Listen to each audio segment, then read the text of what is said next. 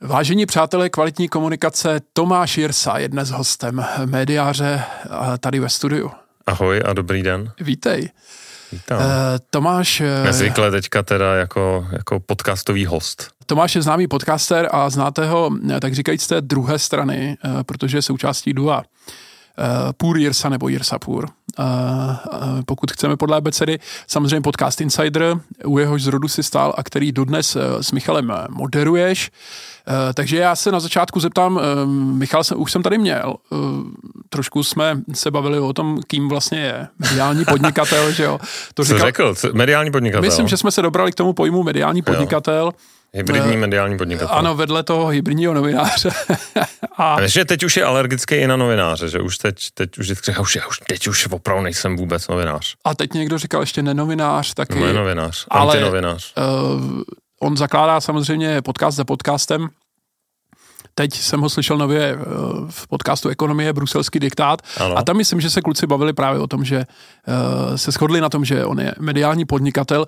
Já jsem u tebe na webu čet investor a podnikatel. Uh, já tě mám samozřejmě jako uh, PRistu zafixovanýho a ten mediální podnikatel vlastně taky seš trochu, ne? Eh, ten, ten... To je, myslím, že se k tomu dostaneme. No. Já věřím, že se doba eh, a definice toho, co je vlastně médium, hodně mění, takže já bych možná řekl obsahový podnikatel, abych nedráždil lidi, kteří mají... Ale to je, jak se říká, že umělá inteligence vlastně přinese spoustu ano. pozic, které dnes eh, ano. ještě vůbec neznáme, ano. že pracovního zařazení. Eh, tak eh, vy si je už vytváříte teď eh, prostě nehledě na umělou inteligenci dávno my, my, jsme, my jsme v tomhle lepší než chat GPT. A je to samozřejmě taky velká debata, aby jsme to pojali vážněji a kritičtěji, tak je to samozřejmě i součástí té větší obecnější debaty, jak se dnes mísí role těch jednotlivých komunikátorů v tom společném veřejném prostoru. Už asi dávno zmizely ty hranice přesně zástupce komunikační agentury nebo, nebo představitel komunikační agentury, PRista, Eh, na jedné straně, straně, dejme tomu, a třeba ten novinář na druhé straně byl, hmm. byla, mezi tím, eh, byla mezi tím v minulosti, eh, řekl bych, tlustší zeď.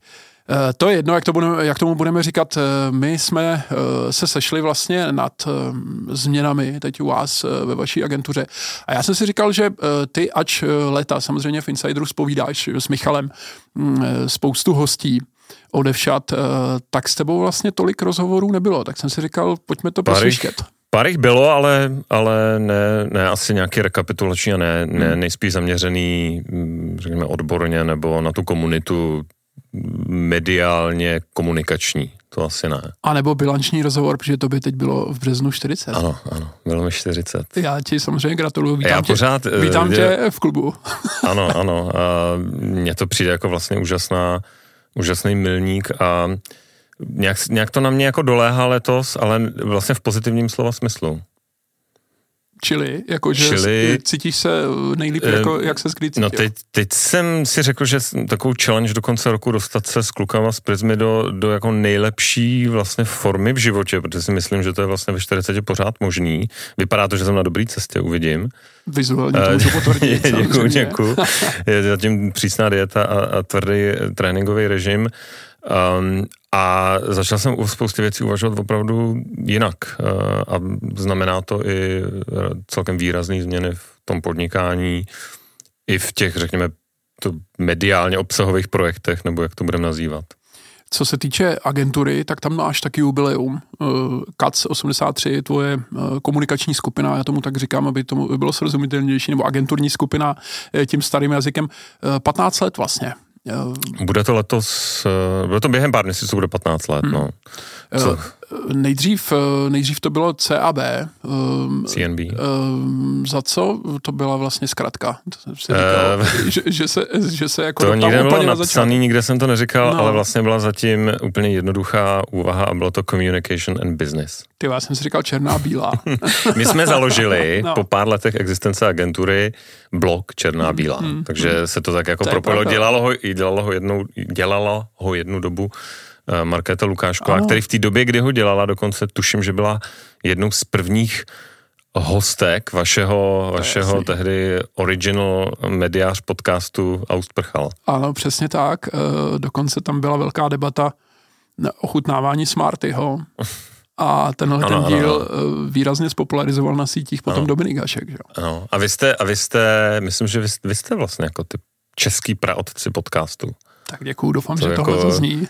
To, to, to bych vystřihnul bych to do teaseru teda. Teď jsem to chtěl říct, že tohle musí být v teaseru. Uh, jasně, uh, a Kac 83, 83 jasně, rok narození. No. Proč Kac? To je nějaký okouzlení je, jako uh, berlínským hipsterstvím. Já teď přemýšlím, že já, my tak jako některé věci trošku zahalujeme tajemstvím hmm. někdy záměrně. Já řeknu, že to je určitá rodina, rodinný jméno z, z rodinný historie mojí. Dobře. A já jsem se chtěl ještě zeptat, než se dostaneme k tomu aktuálnímu, co jste mm-hmm. ohledně mm-hmm. KAC 83 oznámili. Eh, ty jsi předtím vlastně byl činný eh, v politické sféře. Jasně. Byl jsi v ODS, byl jsi šéfem kabinetu tehdejšího primátora mm. Pavla Béma a tak dále a tak dále. Dokonce jsem někde dohledal, že jste i PR-ově pomáhali tehdy věcem veřejným mm. a podobně. Ano. Můžeš teda schrnout eh, jednak tuhle tu etapu a jednak to, eh, jak tě to zavedlo vlastně potom k tomu založit si vlastní agenturu? Myslím si, že to bylo hodně daný tím, že mě vždycky ta politika něčím fascinovala a, a zajímala už od, od mládí. E, sledoval, četl jsem noviny na, na, už na základní škole se svým spolužákem, který je zdravým Martinem Bendou, e, který taky skončil jako zastupitel tuším Praha sobě, e, tak já jsem byl trochu víc napravo a vlastně po výměném programu, který jsem absolvoval ve Spojených státech, kde, kde mě to opravdu chytlo ještě na, na, na entou, ta americká politika, jsem se vlastně vracel do Česka a začal jsem psát vlastně nějaký blog, eh, do toho uh, jsem, se mi ozval Petr Mach, bývalý předseda vlastně svobodných, a s tím, že jestli bych jako ne, nezačal mu psát nějaký články do tehdy obskurního libertariánského časopisku Laissez-faire, který ale měl jako na dnešní poměry, si myslím, nějaký tisíce vlastně platících a byla to taková tvrdá a trojka přeložená, eh, tak to byla, tak to už byl tehdy docela zajímavý jako obsahový projekt. Tak jsem psal eh, a pak mi v tu samou dobu se mi ozvali z projektu vlastně finanční noviny tehdy v ČTK, jestli bych jim tak jako něco psal, tak jsem psal při studiu na VŠE takový komentáře a pak se mi ozval uh, Pavel Bem, že něco z toho četl a jestli bych mu nechtěl pomáhat s projevama. Že už tenkrát se byl vlastně jako hybridní novinář. Byl jsem už tehdy takový hybridní ne, mm, obsahový tvůrce, já nevím. Já, eh, já, si, já jsem se nikdy, nikdy, eh, protože mě to pořád někdo strašně jako hmm. dává uh, přede mě no a vy jste ten novinář. Já jsem říkal, já jsem nejsem, nikdy jsem nebyl a nikdy jsem se za něj ani neoznačoval, ani ne, nepovažoval. Možná by mě někdo mohl označit za publicistu uh, v té době, že jsem psal jako komentáře, hmm. ale to asi tak jako maximum. Ozval se ti teda Pavel Bem eh, čistě jenom na základě těch textů, nebo eh, že ty si, pokud vím, tak byl taky i v Mladých konzervativcích, ne? To, to taky, to jsem vlastně uh, tehdy s řadou vlastně strašně zajímavých lidí, z nich dnes, dneska někteří jsou možná i ministři, nebo byli určitě, tak jsem, tak jsem byl v MKčkách, byla to, byla to vlastně skvělá zkušenost, bohužel ta organizace teďka trošku jako umírá, myslím si, že zkusit si na nečisto takovou jako politické boje a, a debaty, tak eh, je vlastně, vlastně byla skvělá zkušenost. No a eh, k Pavlovi Bémovi si tady přešel po tom, co se ti ozval?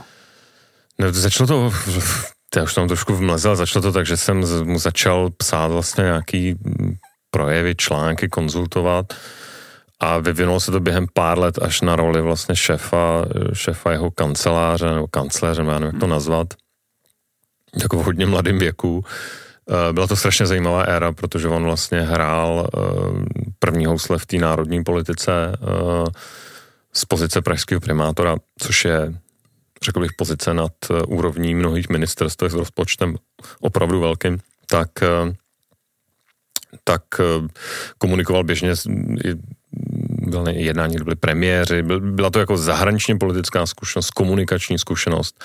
Eh, podílel jsem se na, myslím, že jedných z nejzajímavěji provedených eh, komunálních, já bych řekl i celkově kampaní, protože ty výsledky, které v Praze ta politická kampaň měla byly do dneška nepřekonaný a, a Počkej, masivní. To byla taková to, než odjedete na víkend, nezapomeňte změnit vládu. Ano, ano, ano. Ne, ne, ne, ne to bylo, ne, to, to bylo to taky byl pak nějaký doplněk toho, no, no. ale vlastně to tehdy strašně se mu to vrátilo trošku jako bumerang, tak to bylo uh, dejte mi, uh, jak to bylo? Dejte mi svůj hlas, dávám čtyři roky, nebo jo, něco takového. Uh, byla to taková ta kampaně, jak vysla, byla vlastně černobílá, celá byla jako nezvykle udělaná, dělali na tom jako skvělý marketáci, my jsme tam jako řešili tu politickou stránku, hmm Eh, a byla to pro mě, pro mě taková jako velká první zkušenost s politickým marketingem hmm. v té do té doby jsem někde jako lepil plagáty, tady jsem jako opravdu šejpoval, eh, měl možnost šejpovat eh, podstatnou část té kampaně. Hmm. Proč jsi o tom teď odešel? Nebo jak to skončilo, ta spolupráce spíš? Já jsem před takovým tím obdobím, bych řekl, největší průšvihů, který tam nastaly, tak já jsem vlastně tehdy pracoval jako se sebezničujícím nasazení nepřišlo mi na tom nic divného. Pavel Bem ostatně jako proslulej byl svým jako náročným pracovním stylem, takže mm, já jsem strašně cítil se ve svých 24, nebo já nevím, kdy jsem odcházel, tak jsem se cítil vlastně jako úplně vyždímaný a strašně jsem cítil, že si chci dělat něco, kde, ne, kde se neřídím programem někoho jiného, eh, neřídím se různýma zákulisníma hrama, hráčema a tak dále. Potřeboval jsem trošku změnit si myslím prostředí. Hmm. A pak tam byly ještě, jak jsem říkal, ty spolupráce s těma VVčkama a ještě jsem dohledal e, spolu zakládání později e, toho think tanku e, Václava Klauze mhm. mladšího. Mm-hmm. E, tak e, to furt jsou ještě nějaké jako aktivity, e, kdy tě to do té politiky nějakým způsobem, nebo, nebo pomáhat s tou politikou nějak. VVčka to byla, to prostě byla, to byl pro mě jako agenturní, řekněme, biznis nebo politicko-marketingový Komerční zakázka. To byla komerční to? zakázka, protože si myslím, že jsem byl Myslím, že jsem pořád, pořád uh, s ohledem na politický marketing uh, jako v nějaký špičce tady, uh, tak tehdy to, jsem to bral, že, že zužitkovávám zkušenosti z těch kampaní, hmm. které jsem měl. Ne, nemám k tomu žádnou srdeční vazbu, hmm. nebo prostě to byla nějaká trošku disruptivní kampaň komunikace. Skončilo to tak, jak skončili VVčka, ne, nemám to nějak hmm. zapsaný, prostě byla to, byla to jedna ze zakázek. Hmm.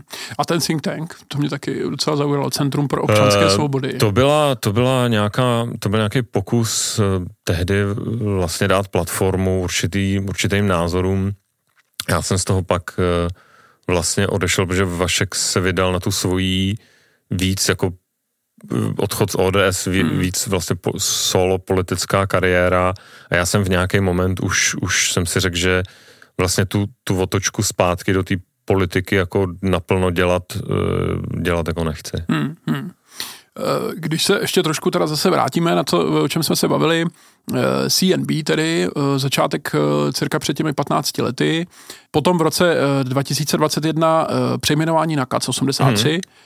Označení té skupiny za experimentální hmm. brand, Jo. jo, já to pak trošku vemu ze široka. Uh, ano, poprosím o to. A teď vlastně čerstvě uh, přeměna zase na něco, čemu říkáte engagement network. Mm-hmm.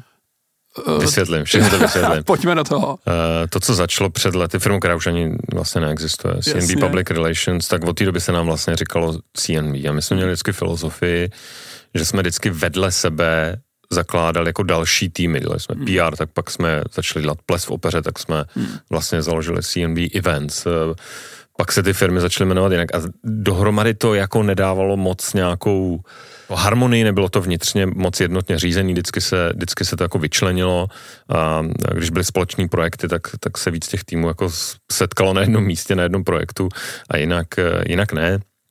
Eh, pak jsme to zaštítili vlastně jako skupinou kterou jsme logicky nazvali CNB Group a po nějakých peripetích, po té mediální odbočce eh, s zdrojem Infem, vlastně eh, jsme si řekli, ta doba se radikálně změnila eh, a teď to strašně rychle urychl, strašně to urychl covid. Nástup těch sociálních sítí v plné síle, nový mediální formát jako podcasty a v té skupině my si zakládáme něco, čemu z legrace budeme, nebo ne, nechci říkat z legrace, ale tak polovážně budeme říkat experimentální brand, protože si tam všechny ty věci chceme vyzkoušet. Rozjeli jsme Insider, který v té době byl na koleně dělaný podcastík, jako mm, bez, mm, bez mm. ničeho, tak jsme si řekli, hele, budeme se tomu věnovat, tehdy s Jonášem a, a s dalšíma, uh, Jonášem Čumrikem, tím mm. toho zdravím. A, a vyzkoušeli jsme si tam opravdu vlastně spoustu věcí. Já jsem k tomu sepsal ně, něco, čemu jsme tehdy říkali takový jako manifest. Všichni na to jako koukali, ale z nějakého důvodu to docela nabralo, nějak to zarezonovalo, jakože klienti začali hledat, co to tam děláte? A tohle bychom nemohli vyzkoušet taky. Takže jsme si řekli, dobře, um, musíme už přemýšlet, co bude dál, uh, pojďme, pojďme, když se to chytlo, dává to smysl, z toho udělat vlastně název celé té skupiny, protože to jako hezky zapadá do té nové doby, ale, a to zdůraznuju při tom, kdy stále zůstává součástí skupiny CNB, čili někdo mi teďka na Twitteru psal, že teda tohle už neexistuje, to vše, jenom je to jako trošku posun těch značek, uznávám, že, že e, možná pro někoho je s, jako s, složitější se v tom orientovat, um, a z Katsu 83 se vlastně stala skupinová značka, která zastřešuje jak CNB, tak další subjekty vlastně v té v tý skupině, včetně třeba Media Value, kde je podcast Insider a další uh, podcasty. Máš tam několik dalších, jak říkáš, ceřiných uh, firm, mimo jiný Highlights, Hot Shots a tak dále. Jo, ty různě do té skupiny jsme někdy, něko, někdy jsme koupili, někdy tam vznikly, uh, máme teďka další akviziční plány a vznikla úplně přirozená vlastně nutnost ty věci jako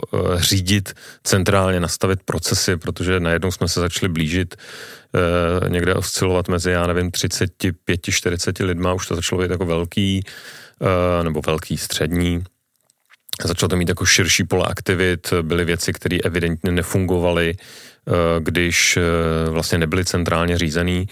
Takže jsme si řekli, je úplně logický krok z toho opravdu udělat jako skupinu se vším eh, všudy. Eh, zároveň myslím, že to, ten engagement network vlastně asi na vysvětlenou. Já, já si myslím, že ta doba se posunula, nebo jsem si tím jistý, do toho, že vlastně agentury se musí do jistý míry stát médiama stávají se médiama, už jsou médiama, uh, produkují spoustu obsahu, dostávají ho ven, často mimo tradiční média, jinýma kanálama.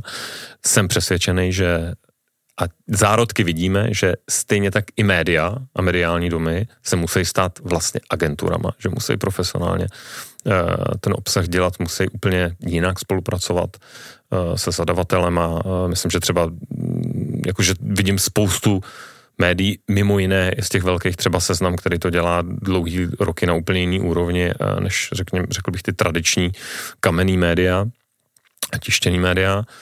Uh, takže to nás vedlo vlastně k tomu, že z toho nechceme, že, že se necítíme jako čistá komunikační agentura, která, nebo PR agentura jenom, protože těch složek je tam strašně moc a uh, vzali jsme si, že, ta, že engagement je vlastně ta metrika, která to všechno spojuje. Jo. Podcastem vyvoláváš engagement s nějakou svojí cílovou skupinou u nás tisícovkama lidí na, na Patreonu, uh, nastavuješ témata, agendu, eh, pokud děláme, spravujeme někomu, já nevím, Instagram, zase metrika je engagement, protože tam tvoříš obsah a dáváš ho tam a, komunikuješ zase s tou cílovkou. Pokud jde PRista přesvědčovat novináře, tak je to vlastně taky určitá forma nějakého zapojení, interakce, engagementu um, a network, protože eh, stejně jako si myslím, že končí doba těch kamenných baráčků a velkých mediálních skupin, tak trochu vidím, že v krizi je i to odvětví těch velkých říkám, kamenných eh, záměrně mm, agentur, ať už jsou mediální nebo PRový. A, eh, a ten svět je vlastně začíná být mnohem takový rozparcelovanější a za mě je to to, co my budujeme, je network. A do toho networku počítáme naše klienty, počítáme tam naše jádro našich lidí, ale počítáme tam desítky, až bych řekl stovky různě spolupracujících externistů, eh, lidí, kteří zapojujeme do různých projektů a je to něco mnohem fluidnějšího, flexibilnějšího než agentura nebo skupina agentur. Eh, chceme k tomu takhle přistupovat, proto možná trošku kostrbatě eh, tlačíme něco, co, co je možná trošku novátorský. No. Vy jste dokonce oficiálně oznámili, že eh, chcete být místem, a teď cituju, kde se smívají hranice mezi zaměstnancem, freelancerem, klientem a partnerem s viděnou plynulejší a více integrované spolupráce. Hmm. Což hmm. je uh, asi mm, stručně řečeno uh, to, co si právě vysvětloval mě jenom uh, tam napadá, určitě s, s těmi trendy bych, uh, bych souhlasil na druhou stranu. Uh, není to jenom jiné pojmenování pro to, uh, co, jak ta média, že jo, tak, tak hlavně agentury, protože o tom se tady teď primárně bavíme, uh, vlastně dělali doteď. Uh, ten PRista musí že, nějakým způsobem jako komunikovat na ty média. Eh, ty, ten engagement nebo to zapojení vlastně toho publika, ať už hmm. je jakýkoliv, eh, si přeci musel jako agentura komunikační vždycky dodávat tomu klientovi a vždycky se to nějak měřilo. Tak hmm. co, co je tam vlastně nový? Není to jenom jako uh, jiný já líbivý pojmenování? Ne, já si myslím, že, ty, že to hodně těch tradičních PRistů vnímá úkorně, ten nový svět těch sociálních sítí. My jsme dokonce i jednali o nějakém převzetí nebo vstupu do jedné PR agentury um, a, a hodně jsem se konfrontoval, řekněme, s těma uh, dojenama uh, oboru a dospěl jsem k názoru, že oni to takhle nevidějí. Oni vidějí jako sociální sítě jako jakýsi doplněk, jako jeden z kanálů vlastně toho, toho standardního řemesla.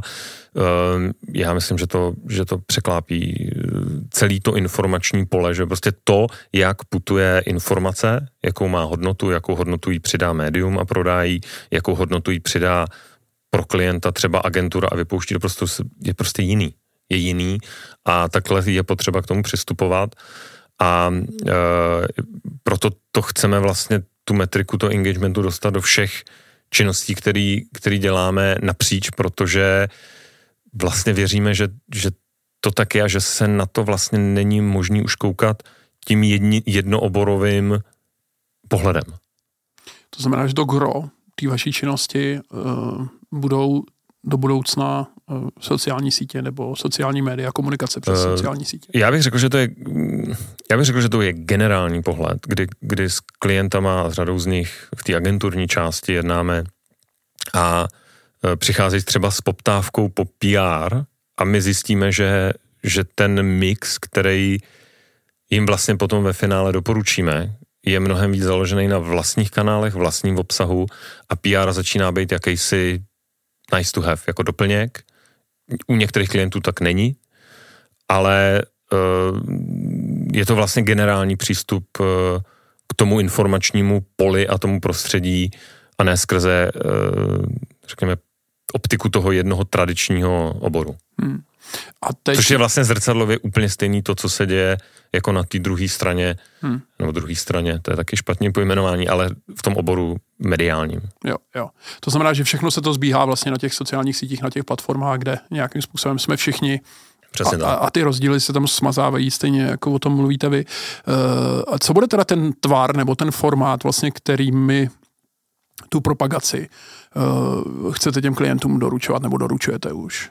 Uh, Když se bavíme o sítích, tak bude to nějaký mm, jako ne, eh, podcast, nebo bude to, to co bude, budou jsou eh, bude to posty, nebo já nevím, vstupování do diskuzí tam, nebo mm, co, ne, ne, co to ne, jako vůbec se nebavíme o nějakém jednom inovativním hmm. formátu, všechny hmm. formáty jsou známí, myslím, že se spíš bavíme o tom přístupu, který je všechny bere v potaz a, a udělá z nich ten mix, který vlastně uh, který vyhraje, který jako bude pro toho klienta Uh, ne optikou PR agentura přijde a řekne, no tady, tady je František, ten uh, byl novinář, on umí skvěle napsat ty tiskové hmm. zprávy, je to teda strateg a rozumí tady automobilovým průmyslu a, uh, a najednou skončíte jako v cyklu někoho, kdo, kdo vydává tiskové zprávy, který už skoro nikdo nečte.